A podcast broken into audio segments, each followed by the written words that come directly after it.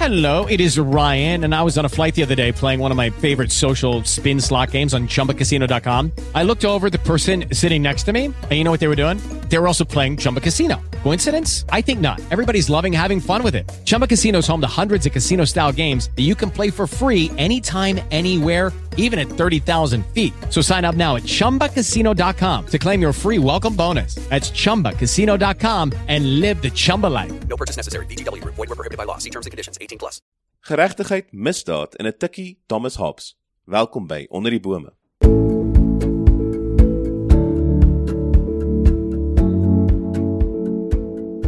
Goeiedag, jy wat honger na wysheid en kennis. Jy wat altyd meer wil weet. Onder die bome is 'n reeks oor filosofie bestaande uit 10 episodes waar ons by die Goudefoon Inisiatief meer leer oor die inhoud, toepassing en ontwikkeling van filosofie. Die Goudefoon Inisiatief is 'n vereniging wat hom beywer vir die bevordering van die filosofie en filosofiese denke in Afrikaans. Ek is Daniel Du Plessis en in die ateljee vandag is Hercules Boshoff, kenner op die gebied. Hierdie episode is met trots geborg deur Akademia. As filosofie, politiek en die ekonomiese sfeer jou fascineer, dan is Akademia se veelsidige graadkwalifikasie in politiek, filosofie en ekonomie die perfekte volgende stap in jou loopbaanreis. Besoek www.akademia.ac.za vir meer inligting. Goeiedag Hercules. Jy is nou al 'n ou bekende. Uh welkom hier by ons. Baie dankie Daniel, soos altyd lekker om hier te wees. Nee, self en ek is nogals besonder opgewonde oor vandag se episode. Ehm um, so in my eie studies het ek my natuurlik met die reg bemoei en ek glo dat geregtigheid moet seëvier. Nie so seker of dit so algemeen gebeur nie. Ehm um, ek wonder wel, aangesien geregtigheid so 'n uh, jy weet onbereikbare droom geword het soms, of hy werklik of ek hom werklik verstaan in sy volle omvang. Ja, wel, ek dink uh, jy staan nie alleen as jy dit sê nie. Dit bly maar 'n groot uh, vraagstuk. So kom ons uh, spring maar in en kyk of ons iets uh, sinvols kan sê oor geregtigheid en uh soos ek dit sien uh in in in in 'n breë opsig beskryf, sou ek sê dat geregtigheid laat dinge in hul volkomenheid vry dit laat dinge teregkom. Nie alleen geïsoleerd van mekaar nie maar ook in verhouding tot mekaar. So as ons nou net begin by die woord reg ehm um, nou ek gaan nou hier begin in die uh, meer algemene spreektaal. Uh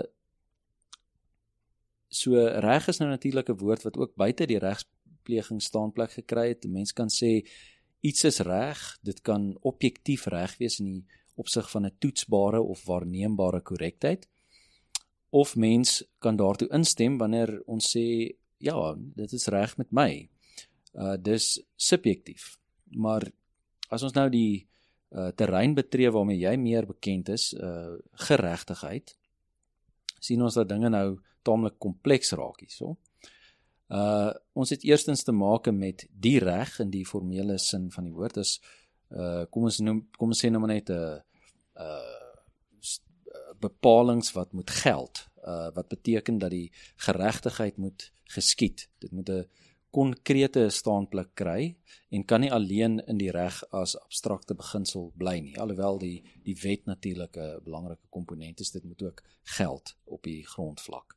So uh geregtigheid is daarom iets wat optrede vereis uh sowel uh, in gehoorsaamheid aan die reg maar ook wanneer dit nodig is daarteen. Ek ek dink hierdie is 'n baie interessante punt om hierso net 'n bietjie te beklemtoon miskien. So die onderskeid tussen reg en geregtigheid as ek dit so mag stel uh, in daai bepaalde sinne wat ons dit bedoel. Ehm um, net omdat iets wettig is beteken nie noodwendig dis reg nie, korrek? Dit dit is uh dit is reg. Ja. Mm, en dit beteken dat daar's hierdie ja, daar's hierdie interaksie tussen die reg en geregtigheid wat baie keer is dit reg om 'n ongeregverdigde wet uit te voer. Partykeer is dit nie noodwendig reg nie. Partykeer is dit dieselfde ding, reg en die geregtigheid wat met mekaar in interaksie is. Dit eh, dit raak nogals ingewikkeld, ja, maar ek dink dit is belangrik om hierdie onderskeid in gedagte te hou. Veral vandag waar mense gaan en sê, "Mag, maar dis die wet, so ek moet dit maar doen." Ja.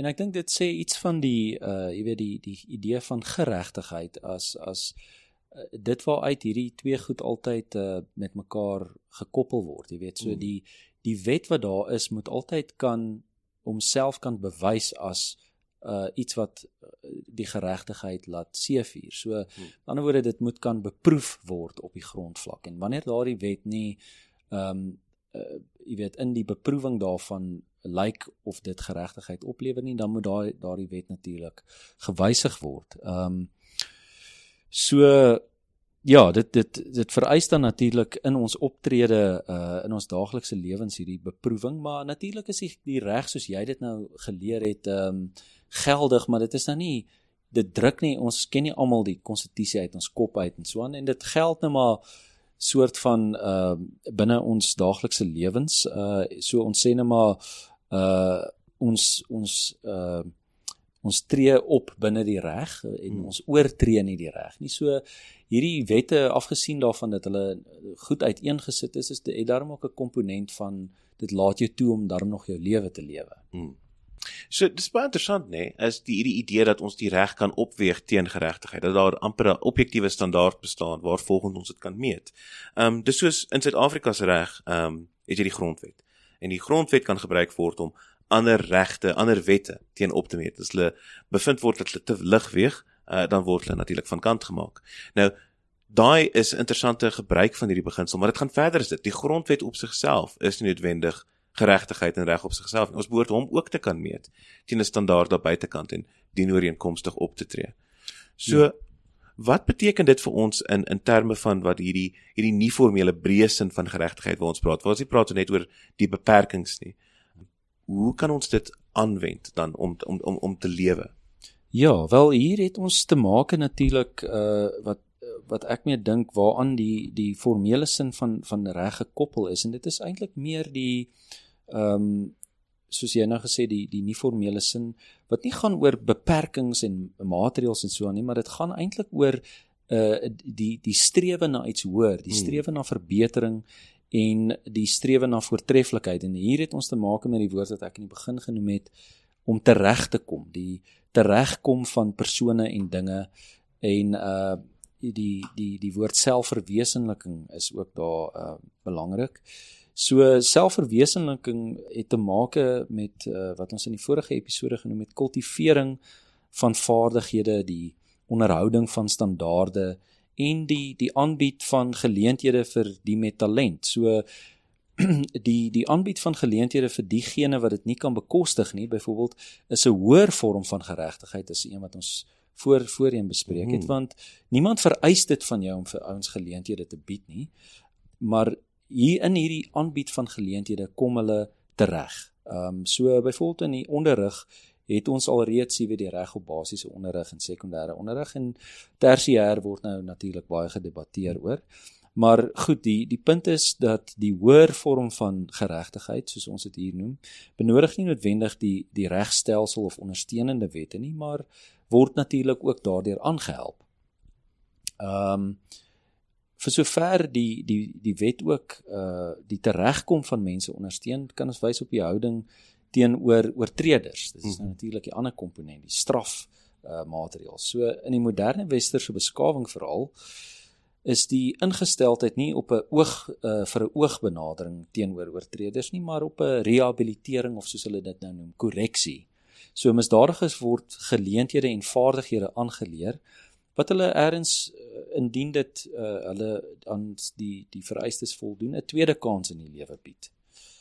Maar goed om nou weer terug te keer, ehm um, die mens word dus die geleentheid gegee om die goeie wil uiteindelik uit vrye wil te doen. Hmm. So nie net omdat die wet dit sê nie, maar jy wil dit ook en dit is hierdie ander aspek van die reg. Jy sien ons twee dinge wat nogals my hierso uitstaan. Uh, aan die een kant net, is dit my baie interessant om te let op hierdie onderskeid tussen die misdadiger se hand afkap en om half herlei na meer produktiewe aktiwiteite. In die een geval is ons letterlik besig om sy kapasiteite te verminder. Ons maak hom minder in staat tot 'n produktiewe lewe lei. In die ander is ons besig om hom te probeer herlei in 'n meer produktiewe bestaan in. En dan daarmee saamlopend hierdie idee dat wel geregtigheid is nie noodwendig die letterlik net die wet volg nie. Met ander woorde, daar's amper 'n addisionele vereiste van geregtigheid. Jy kan die wet perfek formeel volg, maar jy is nie besig om op 'n geregte op 'n geregverdigde of 'n geregtelike wyse of kom ons sê 'n behoorlike wyse op te tree nie. En dis interessant want ons byvoorbeeld iets het soos 'n liefdadigheidsprojekte wat nie vereis kan word dink ek deur wet nie. Ek dink daar's 'n groot stel probleme met belastings en goederes wat probeer om dat daai funksie oor te neem. Wat jy nog steeds 'n morele verpligting het ondanks die feit dat daar geen wetlike verpligting is. Ja.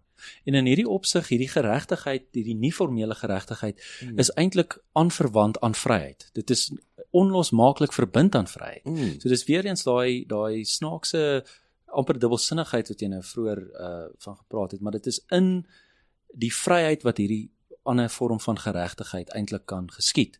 Maar goed, in die breë opsig kan ons dan ook die vraag vra uh vandag uh in in al die opsigte van hoe ons nou oor die woord geregtigheid hmm.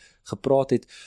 Ehm um, tot watter mate geskied reg hier in Suid-Afrika? Ehm um, en aan die een kant wil dit vir ons voorkom of die grondwet in die formele sin soos ons vroeër uh van gepraat het uh taamlik lof toe gesing word deur kenners uh plaaslik en internasionaal. Uh, jy sal nou meer daarvan weet. Maar uh daar word voorgesê dat die howe ook taamlik uh, hulle goed van hulle hulle taak kwyt, maar ongelukkig uh wil dit lyk like asof die politici hulle dikwels nie hou by die letter van die wet nie en dat hulle ook hulle invloed gebruik om uit die moeilikheid uit te bly hmm. en dit is werklik 'n kommerwekkende uh punt en dit stel 'n slegte presedent uh as ek nou daardie homofoon kan gebruik. en voorts uh blyk dit uh, as as asof ons wetstoepassers die polisie ook vol gebreke te wees en ek moet ook sê daar's baie bewonderenswaardige mense wat uh in die polisie ook werk. Maar gegeewe in elk geval hierdie toedrag van sake moet ons onsself herinner aan die woorde van die Britse filosoof Thomas Hobbes, a covenant without the sword is but words. Mm -hmm. So 'n wet wat nie toegepas kan word nie is maar leewoorde. En ons moet maar bekommerd wees oor hierdie ding. En wat staan ons te doen? Veral ek en jy, die gewone ou op straat wat nou nie prokureurs of uh sulke goed is nie, is ons nou maar net magteloos in hierdie situasie. Wel, ek dink nie so nie. Ek dink ons lewer wel 'n bydrae deur elkeen nog steeds die wette gehoorsaam. En in die tweede plek, in die nie formele sin van geregtigheid, moet ons moet ons nog steeds ons kant bring om voortreffelikheid na te streef en die hoogste vereise aan jouself te stel en aan ander uh, met 'n agneming natuurlik van die middele tot hulle beskikking maar sonder 'n uh, 'n uh, dryf na voortreffelikheid kan 'n samelewing nie soos ons vroeër in hmm. vorige episode van gepraat het beskawing bereik nie en omgekeerd kan 'n beskawing sonder voortreffelikheid bloot tot 'n samelewing verval. Hmm. So as ek nou maar 'n boodskap kan hê oor hierdie goed, dan sal ek maar sê spreek jou uit en verset jou teen die kwaad en gelyktydig moet jy die goeie ook koester, jou daarvoor beywer en die goeie doen. Hmm. Geregtigheid geskied ongelukkig nie van die rusbank met 'n remote in jou hand nie. Ek dink daai is 'n uitstekende opsomming. Ek dink soos jy sê, geregtigheid bly ons almal se verantwoordelikheid. Nou ja toe, ek hoop dat hierdie episode van onder die bome wat gehandel het oor reg en geregtigheid jou as luisteraar reg kon instel. Skakel gerus volgende week in as ons hopelik nie kwaai vriende raak nie oor die term vriendskap. Onder die bome word met trots aan jou gebring deur Pot Media en die Garafoon Inisiatief in samewerking met Marula Media.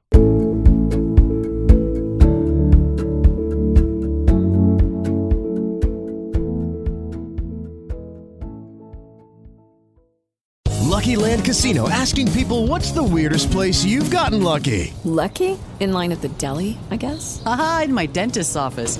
More than once, actually. Do I have to say? Yes, you do. In the car before my kids' PTA meeting. Really? Yes. Excuse me, what's the weirdest place you've gotten lucky? I never win and tell. Well, there you have it. You can get lucky anywhere playing at LuckyLandSlots.com. Play for free right now. Are you feeling lucky? No purchase necessary. Void where prohibited by law. 18 plus. Terms and conditions apply. See website for details.